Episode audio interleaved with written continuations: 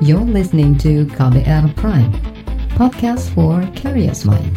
Enjoy!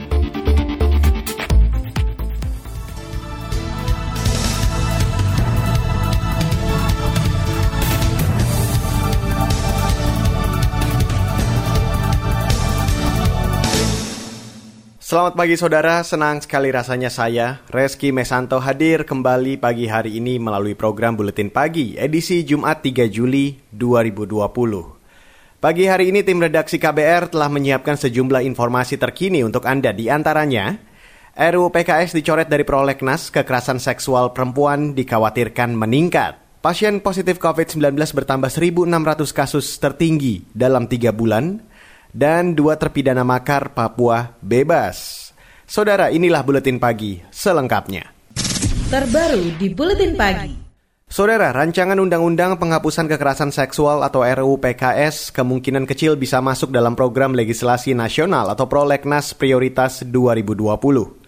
Badan legislasi di DPR bahkan menyebut tidak mungkin RUU PKS dijadikan prioritas pembahasan tahun ini.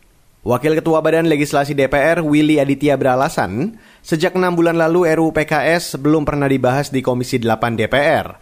Komisi 8 sibuk membahas RUU lain itu yang menjadi hal yang paling fundamental dari rancangan undang-undang perlindungan kekerasan seksual ini. Yang kedua adalah bagaimana kasus-kasus semakin hari semakin tinggi. Tentu kita harus belajar dan kemudian harus responsif terhadap kondisi-kondisi ini. Nah, termasuk juga responsif terhadap penolakan. Apa kemudian penolakan-penolakan yang terjadi? Kita juga harus mendialogkan. Jadi undang-undang itu kan tidak bisa menang-menangan ya, tidak bisa kalah-kalahan. Dia harus mampu kemudian melihat proyektif ke depannya.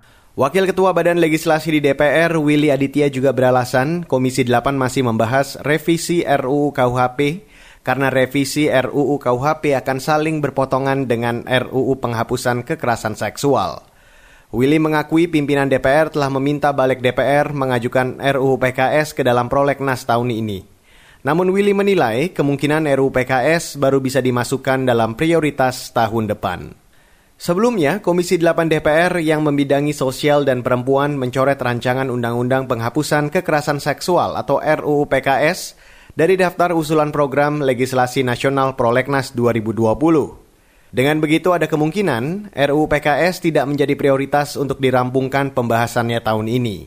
Anggota Komisi 8 Dia Pitaloka mengatakan, RUU tersebut dicoret karena masih menuai banyak kritik. Ya, jadi undang-undang uh, RUU PKS itu awalnya memang diusulkan menjadi prolegnas oleh Komisi 8. Tapi kemudian muncul juga usulan untuk itu diusulkan dari Balek. Hmm. Nah, akhirnya oleh Komisi 8 memang di drop dari usulan Komisi 8 untuk dikoordinasikan menjadi usulan Balek. Itu tadi anggota Komisi 8 Diah Pitaloka. Sebelumnya, pada akhir tahun lalu, Badan Legislasi DPR telah menetapkan 50 RUU masuk prolegnas prioritas 2020 termasuk RUU PKS, namun usulan ini tidak kunjung disahkan di paripurna. Sementara itu, Saudara Komisi Nasional Anti Kekerasan Terhadap Perempuan mendorong pemerintah dan DPR tetap memasukkan rancangan Undang-Undang Penghapusan Kekerasan Seksual atau RUU PKS dalam daftar prioritas pembahasan tahun ini. Anggota Komnas Perempuan Siti Aminah Tardi mengatakan, jika RUU PKS semakin lama ditunda, maka akan semakin banyak korban kekerasan seksual tidak mendapat bantuan hukum. Kita melihatnya lebih ketika tadi ya semakin ini tidak tidak disahkan maka korban semakin tidak tertolong. Pertama karena substansi e, peraturan perundang-undangan kita itu belum bisa menjangkau semua bentuk kekerasan seksual yang ada. Undang-undang kita khususnya hukum pidana itu hanya memuat tiga bentuk yaitu perkosaan, pencabulan, dan persetubuhan. Itu tiga bentuk kekerasan seksual yang ada di dalam KUHP. Anggota Komnas Perempuan Siti Aminah Tardi mengatakan, Undang-undang KUHP saat ini juga ketinggalan zaman. Banyak jenis kekerasan seksual yang tidak diakomodasi dalam KUHP, sehingga pelakunya tidak bisa dipidana. Padahal, di tingkat internasional, bentuk kekerasan seksual sudah mencakup 15 jenis, termasuk kejahatan seksual berbasis online. Sementara fraksi Partai Nasional Demokrat di DPR bakal terus memperjuangkan agar RUU penghapusan kekerasan seksual atau RUU PKS segera dibahas dan disahkan oleh DPR. Ketua kelompok fraksi Nasdem di Badan Legislasi DPR, Taufik Basari mengatakan, fraksinya bakal melobi fraksi lain agar tetap memperjuangkan RUU PKS segera dibahas. Setelah kita melihat perkembangan uh, perjalanan dari RUU penghapusan kekerasan seksual ini, kita merasa perlu untuk melakukan lobby-lobby dengan fraksi-fraksi lain. Kita berharap fraksi-fraksi lain pun juga punya pandangan yang sama bahwa uh, adanya RUU penghapusan kekerasan seksual ini merupakan kebutuhan yang kita hadapi pada saat ini. Kenapa? Karena um, angka kekerasan seksual di Indonesia itu menurut Komnas Perempuan semakin tahun semakin meningkat. Ketua kelompok fraksi Nasdem di Badan Legislasi DPR, Taufik Basari mengakui ada pro kontra terkait pembahasan RUU PKS ini. Meski begitu, ia menganggap RUU ini penting segera disahkan untuk memberikan jaminan perlindungan hukum bagi para korban kekerasan seksual. Saudara ICW laporkan dugaan maladministrasi program Kartu Prakerja. Informasinya akan kami hadirkan sesaat lagi usai jeda. Jadi tetaplah bersama kami di Buletin Pagi KBR. You're listening to KBR Pride, podcast for curious mind. Enjoy!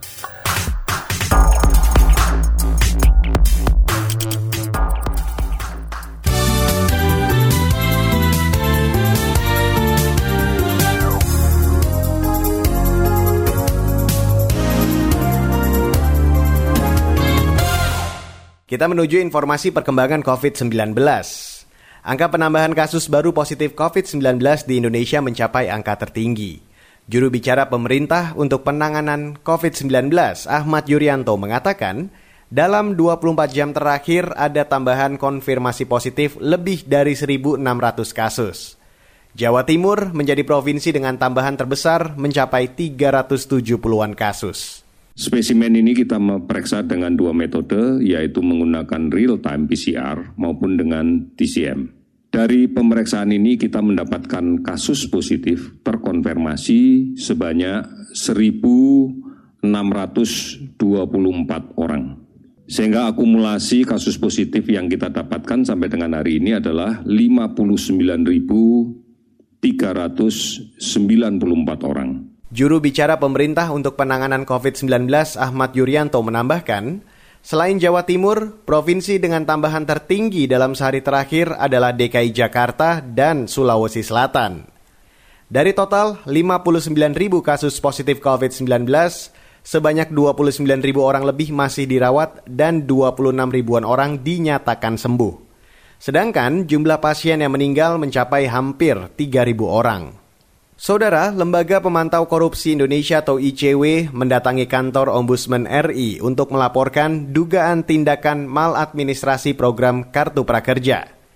Peneliti ICW Tibiko Zabar mengatakan, laporan dugaan maladministrasi didasari sejumlah persoalan yang terus muncul di program milik pemerintah tersebut. ICW melaporkan dugaan maladministrasi program Kartu Prakerja ke Ombudsman Republik Indonesia. Kami e, menyampaikan laporan ini e, dokum secara langsung dan juga kami e, submit secara online via email. Seperti yang kita ketahui, sebenarnya pelaporan ini berkaitan dengan polemik yang terjadi sejak program Kartu Prakerja ini diluncurkan, di mana ketika masa pandemi, namun kebijakan ini tetap diterapkan oleh pemerintah. Peneliti ICW Tibiko Zabar mengatakan, Sejumlah persoalan dugaan maladministrasi pada program Kartu Prakerja antara lain mekanisme kurasi lembaga pelatihan yang tidak layak dan mengandung konflik kepentingan.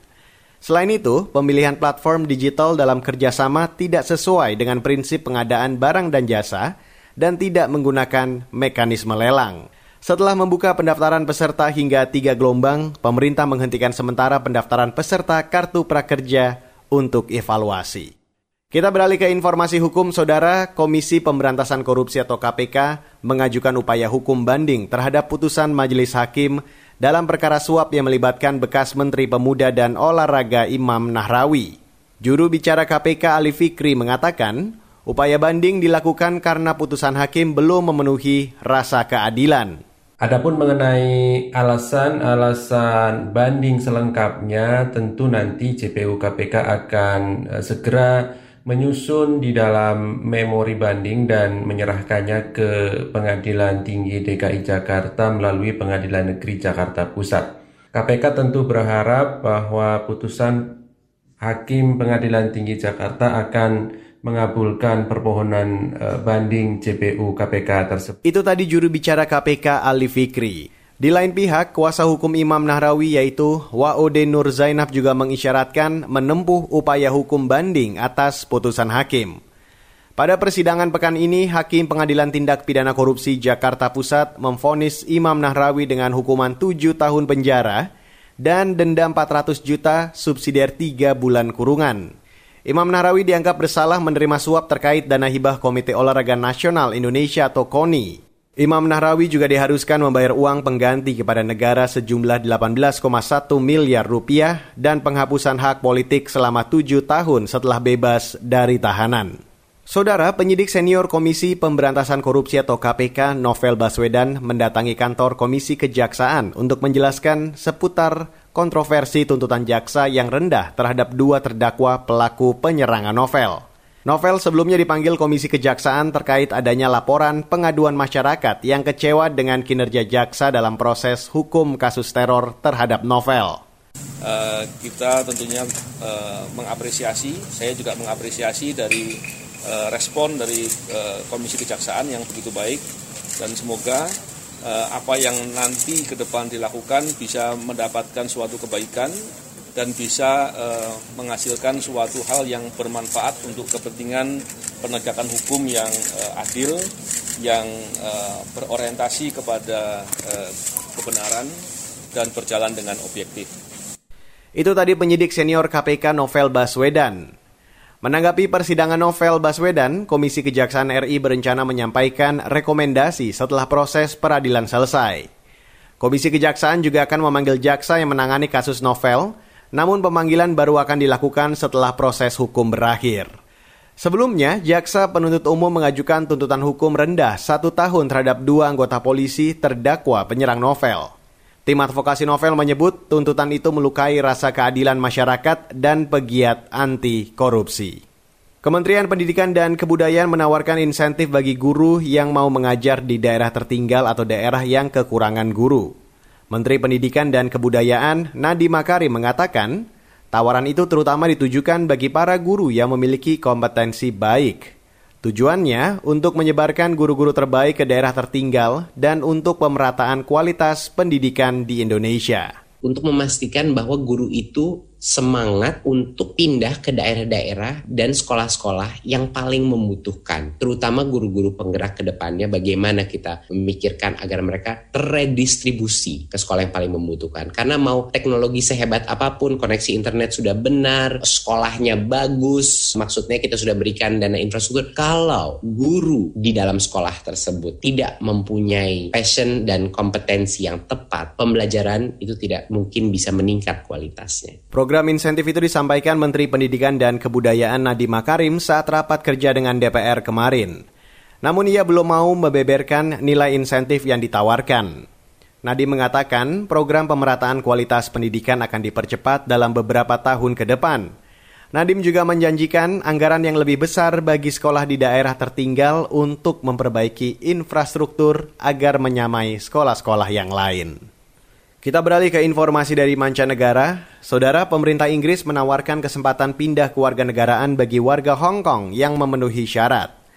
Tawaran ini diberikan setelah pemerintah Tiongkok memperlakukan Undang-Undang Keamanan Nasional. Perdana Menteri Boris Johnson mengatakan tawaran pindah kewarganegaraan bagi 3 juta warga Hong Kong sebagai upaya menepati janji kepada para pemegang paspor British National Overseas atau BNO. Mengutip CNN, Johnson mengatakan jika China telah melakukan pelanggaran terhadap otonomi Hong Kong sejak diserahkan oleh Inggris pada 1997 lalu. Johnson juga menyebut Undang-Undang Keamanan Nasional menjadi ancaman bagi kebebasan warga Hong Kong. Saudara, laporan khas KBR tentang polemik penerimaan siswa baru sekolah negeri akan kami hadirkan sesaat lagi. Jadi tetaplah bersama kami di Buletin Pagi KBR. You're listening to KBR Pride, podcast for curious mind. Enjoy!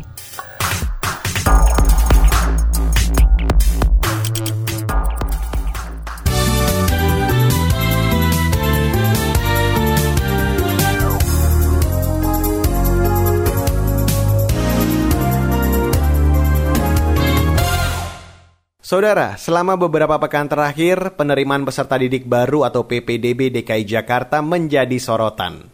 Banyak warga protes anaknya tersingkir dari seleksi karena terganjal syarat usia. Sementara Pemprov berkukuh, kebijakan itu sudah sesuai aturan. Simak laporan yang disusun jurnalis KBR Valda Kustarini.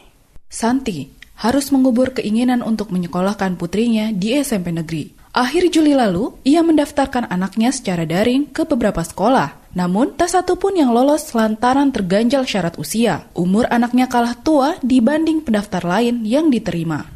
Jarak dari rumah ke sekolah yang bersangkutan itu sama sekali nggak dihitung jadi benar-benar umur. Kebetulan umur anak saya itu 12 tahun 6 bulan 13 hari. Itu dalam jangka waktu setengah jam aja dari tiga sekolah yang dipilih itu langsung keluar gitu benar-benar nggak masuk. Semuanya itu nggak ada yang umurnya di bawah umur anak saya. Berarti anak saya nggak bisa masuk. Ia menyesalkan PPDB tahun ini menggunakan adu tua ketimbang adu nilai atau jarak. Menurutnya, jika berpegang pada Peraturan Menteri Pendidikan dan Kebudayaan Nomor 44 Tahun 2019, seharusnya kriteria zonasi lebih dikedepankan. Jarak rumah Santi dengan sekolah tak sampai 2 km, tetapi anaknya tetap tersingkir. Mendingan dikembalikan seperti tujuan awal dari jarak peraturan Kemendikbud kan jelas itu jarak yang diambil. Apabila ada dua siswa yang dengan jarak yang sama, kita pertimbangkan dengan nilai. Jadi anak-anak yang sudah berusaha semaksimal mungkin untuk mendapatkan mendapatkan nilai yang baik itu bisa dipertimbangkan dengan kondisi kayak gini banyak banget anak-anak yang sangat kecewa.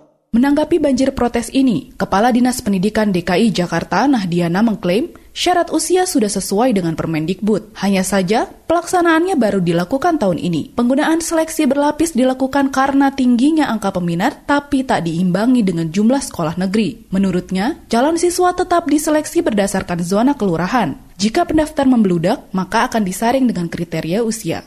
Zona sekolah di DKI Jakarta karena di berbasis kelurahan tentunya sebanyak 267 zona di setiap jenjang pendidikan. Yang berbeda adalah tahun ini ketika PPDB tahun ini setelah menggunakan zona sesuai dengan Permendikbud, kami menggunakan seleksi ini menggunakan usia. Kami juga ingin bahwa PPDB ini menyasar kepada seluruh lapisan masyarakat Nahdiana mengakui kuota jalur zonasi disunat jadi 40% persen dari yang seharusnya 50%. persen. Ia berdalih langkah itu untuk menambah kuota jalur afirmasi bagi masyarakat miskin. Zona afirmasi dari 20% persen kami menambah menjadi 25% persen karena harapannya adalah tadi pemerintah daerah ini hadir bagi masyarakat yang berasal dari tingkat sosial ekonomi yang harus kami perbesar dari afirmasi dalam minimalnya adalah 15 persen. DKI berupaya mengakomodasi protes orang tua yang anaknya tersingkir. Mereka membuka jalur prestasi dan jalur zonasi berbasis rukun warga atau bina RW. Namun peluang ini tak menarik minat Santi. Ia sudah terlanjur kecewa dengan sistem PPDB tahun ini ia memasukkan anaknya ke sekolah swasta. Zona RW saya udah nggak ikutan lagi, kayaknya udah nggak deh cukup ya saya urusan sama PPDB DKI ini. Udah nggak tega, udah ngeliat anaknya secara mental mereka tuh udah yang drop banget. Tambahan aja sih anak saya akhirnya masuk swasta. Persoalan utama PPDB DKI Jakarta dinilai bukan terletak pada syarat usia. Menurut pengamat pendidikan Doni Kusuma, anak berusia lebih tua memang diprioritaskan mendapat pendidikan. Biasanya anak tersebut terlambat sekolah karena terkendala faktor ekonomi dan akademis mereka yang lebih tua didahulukan karena anak-anak ini bisa jadi dia SD lulus SD tetapi kemudian dia karena kemiskinannya anak ini nggak sekolah dia ini sebenarnya memberi prioritas pada mereka yang seharusnya memperoleh hanya terlebih dahulu tetapi kemudian dia tidak memperolehnya karena ada persoalan ekonomi. Doni mengkritik PPDB DKI yang salah kaprah sejak awal. Proses seleksi harusnya mulai dari jalur zonasi, tetapi Dinas Pendidikan malah mendahulukan jalur afirmasi. Akibatnya, banyak siswa yang tinggal dekat sekolah justru tersingkir. DKI juga semestinya tak mematok kuota jalur prestasi. Sejatinya jalur ini dibuka jika masih ada kuota di sekolah. Prosesnya di DKI ini tidak sesuai, tidak selaras dengan apa yang diatur oleh Kemdikbud. Di DKI ini prosesnya adalah mulai dari afirmasi dulu, dan afirmasinya ini dia menurut saya lebih besar, lebih baik karena kuotanya itu 25% untuk SD SMP, SMA, dan untuk SMK itu bisa 35 persen. Sementara di Permendikbudnya untuk jalur afirmasi hanya 15 persen. dibatasi di situ. Prosesnya itu di DKI mulai dari afirmasi dulu, baru kemudian zonasi, baru kemudian uh, perpindahan tugas dan ada prestasi gitu. Bagi Doni, idealnya kuota zonasi diperbesar hingga 80% seperti pada tahun 2017 lalu. Ia meminta pemerintah merevisi aturan ini. Jadi jalur PPDB-nya itu pertama-tama harus zonasi dan zonasinya itu kuotanya harus ditingkatkan, Mbak. 80 persen sehingga semua anak di sekitar sekolah itu tertampung gitu kan. Demikian laporan khas KBR, saya Valda Kustarini. Saudara, informasi dari daerah akan kami sajikan usai jeda, jadi tetaplah bersama kami di Buletin Pagi KBR. You're listening to KBR Pride, podcast for curious mind. Enjoy!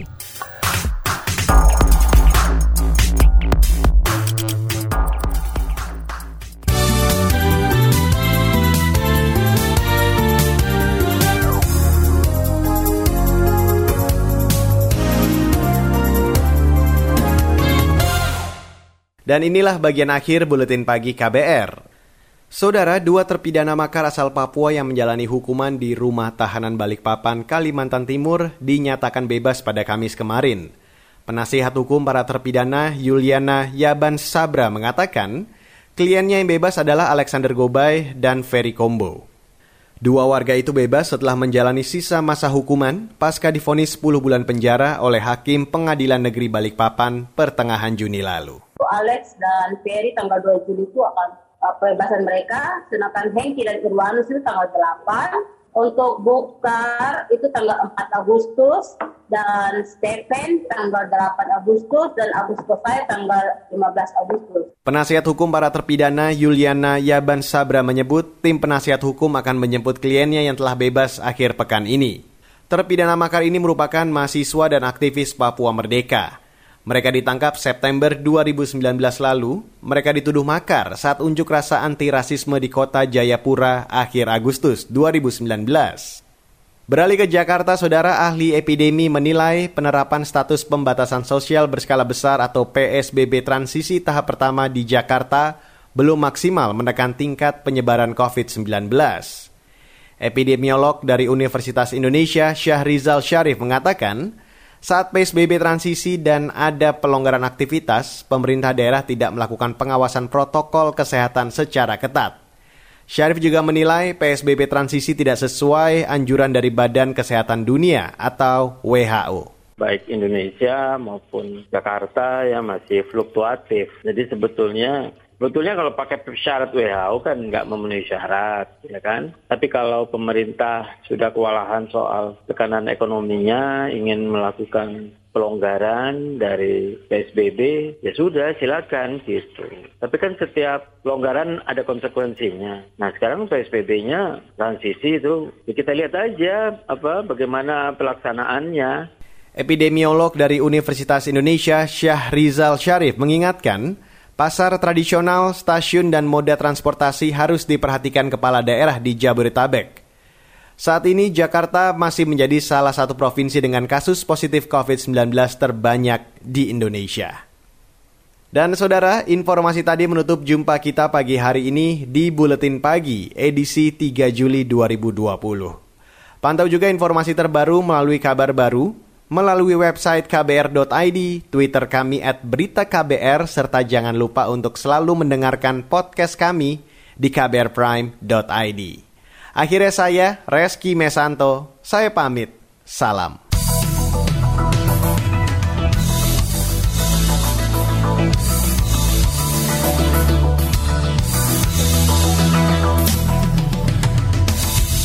KBR Prime, cara asik mendengar berita. KBR Prime, podcast for curious mind.